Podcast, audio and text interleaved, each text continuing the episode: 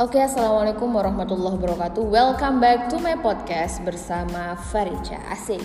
Karena sekarang bertepatan banget sama Rabu Wekasan atau Rabu terakhir di bulan Safar, ya kan? Jadi gue di sini mau sharing tentang Rabu terakhir bulan Safar. Di kalangan kaum Arab jahiliyah, hari Rabu dan bulan Syafar, Syafar, bulan Safar sering dikaitkan dengan kesialan mereka menamai Rabu dengan Ad-Dubar yang artinya adalah penghancur. Julukan itu disematkan karena apa? Mereka tuh nganggep banyak kesialan yang terjadi pada hari itu, terutama Rabu di akhir bulan. Mereka juga enggan memulai perjalanan kegiatan lain di hari Rabu atau bulan Safar karena nganggep itu kalau misalkan kedua itu sebagai waktu sial gitu loh.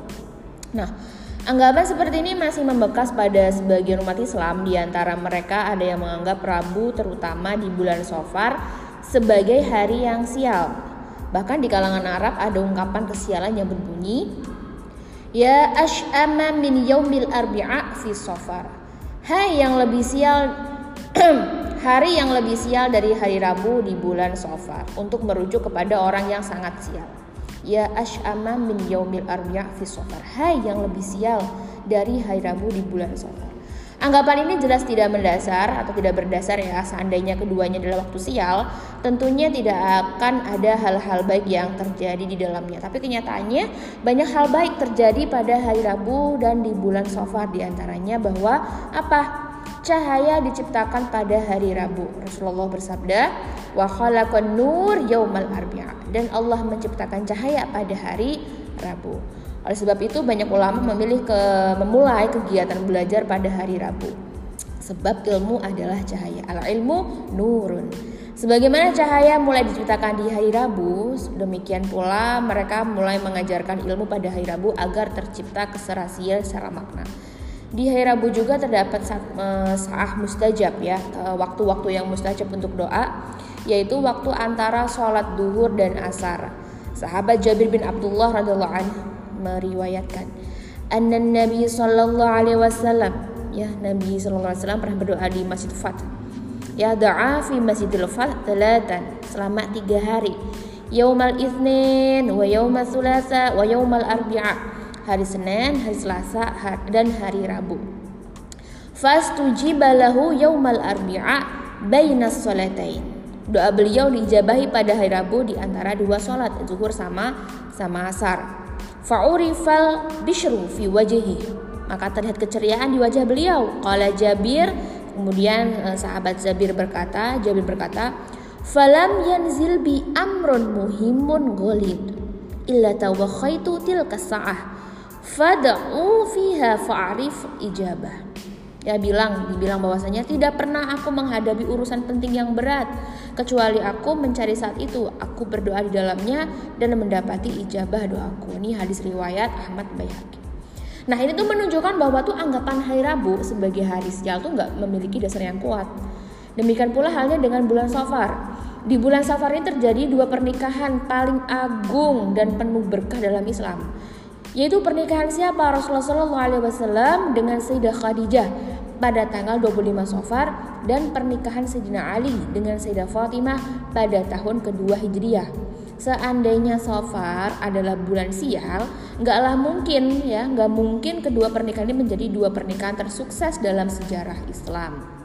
Nah, selain itu Rasulullah juga memulai perjalanan hijrahnya yang penuh berkah dari Mekah pada bulan Safar dan tiba di Madinah di bulan Rabiul Awal.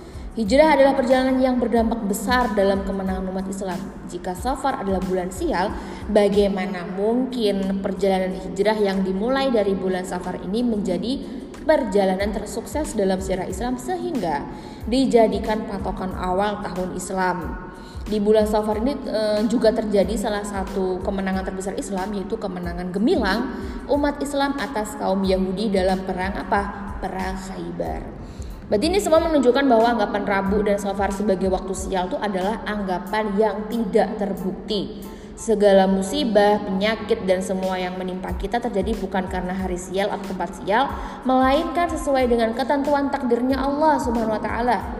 Sebagaimana disebutkan dalam Al-Qur'an, ma asaba min musibatin fil ardi wala fi illa fi kitabim min qabli an nabra'aha Tiada suatu bencana tidak suatu bencana pun yang menimpa di bumi ini dan tidak pula pada dirimu sendiri melainkan telah tertulis dalam kitab Lauhul Mahfuz sebelum kami menciptakannya. Ini di surat Al-Hadid ayat 22. Nah, kemudian ada tentang hadis uh, hadis tentang nahasnya hari Rabu. Jadi dari penjelasan sebelumnya kita mengetahui bahwa tidak ada hari sial dalam Islam akan tetapi diriwayatkan bahwa Nabi Shallallahu Alaihi Wasallam pernah bersabda Yaumul Arbi'a Yaumun Nahsin Mustamir. Hari Rabu adalah hari nahas yang terus menerus Ini hadis riwayatnya Tobroni Pertama perlu diketahui bahwa para ulama mengatakan hadis ini adalah hadis do'if Sehingga tidak dapat dijadikan hujah dalam akidah hadis lemah. Kalaupun hadis ini sahih, maka yang dimaksud adalah hari Rabu merupakan hari nahas yang terus-menerus bagi kaum yang berbuat kerusakan serta mengingkari para nabi, bukan bagi kaum soleh yang beriman. Sebab banyak kaum terdahulu yang diazab di hari Rabu. Ini eh, orang-orang jahiliyah disebutkan dalam surat Al-Qamar inna arsalna alaihim riham sorsorong fi yaumin nasin mustamir sungguhnya kami telah menghembuskan kepada mereka angin yang sangat kencang pada hari nahas yang terus menerus dikatakan hari nahas yang terus menerus itu sebab kenahasannya berlanjut sampai kelak di akhirat. Atau karena kenahasannya terus menerus sampai membinasakan mereka selama 8 hari 7 malam. Disebutkan di ayat lain bahwasanya wa amma adun fa uhliku birihin sarsarin adih. Adiyah. Sorry. Alaihim sab'a layalin wa thamaniyata ayamin husuma Adapun kaum Ad maka mereka telah dibinasakan dengan angin yang sangat dingin lagi amat kencang. Allah menimpakan orang angin itu kepada mereka selama tujuh malam dan delapan hari terus menerus. Maka kaum muslim kaum Ad pada waktu itu mati berkelimpangan seakan-akan mereka tunggul pohon kurma yang telah kosong. Ya, disebutkan bahwasanya fatral kaum fiha sur'a ka'annahum a'jazun nakhli qawiyah. Disebutkan oleh sebagian ahli tafsir permulaan azab itu dimulai di pagi hari Rabu dan berakhir di hari Rabu berikutnya sehingga bilangan harinya menjadi genap 8 hari 7 malam.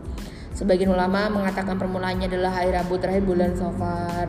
Sebagai apa namanya semua ayat Al-Qur'an yang menyebutkan hari nahas, maka yang dimaksud adalah hari nahas bagi kaum kufar, bukan kaum muslim, bukan kaum beriman. Sedangkan bagi para nabi dan kaumnya itu bukanlah hari nahas sebab mereka tuh diselamatkan dari azab. Maka sudah semestinya mengarahkan makna hadis yang menyatakan Rabu sebagai hari nahas adalah nahas bagi kaum kufar yang terkena azab. Ini dibuktikan dengan hadis lain yang menyebutkan alasan mengapa Nabi Shallallahu Alaihi Wasallam mengatakan Rabu sebagai hari nahas. Diriwayatkan dari sahabat Anas su'ila Rasulullah sallallahu alaihi wasallam anil ayyami wa su'ila an yaumil arbi'a qal Pernah nih Rasulullah ditanya mengenai hari-hari ketika beliau ditanya mengenai hari Rabu, jawabannya gimana? Yauma nahsi qalu wa kaifa daka ya Rasulullah qala a'rik agrik fih fillah fir'aun wa qaumahu wa ahlik adan wa thamud.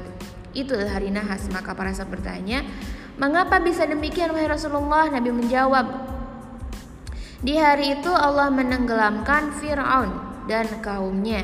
Di hari itu pula Allah membinasakan kaum Ad dan Samud.